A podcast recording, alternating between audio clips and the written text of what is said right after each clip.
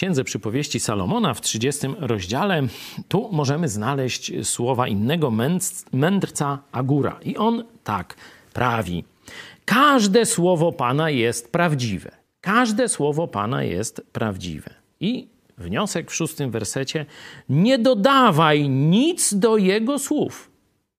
I tu są podane dwa powody dla których nie należy tego robić. Pierwszy, wcześniej, one są prawdziwe. W innych miejscach Pisma Świętego mamy, że są doskonałe, kompletne, pełne jest objawienie Słowa Bożego. Nie dodawaj nic do Jego słów, aby cię nie zganił.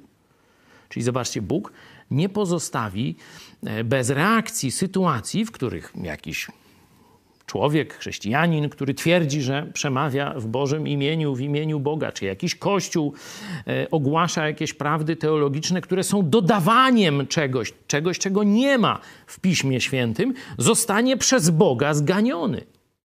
Bóg nie pozostanie obojętny, kiedy ktoś będzie gmerał przy Jego słowie, kiedy będzie dodawał coś, czego tam nie ma. Aby cię nie zganił, i zobaczcie dalej, i żeby Bóg nie uznał cię za kłamcę.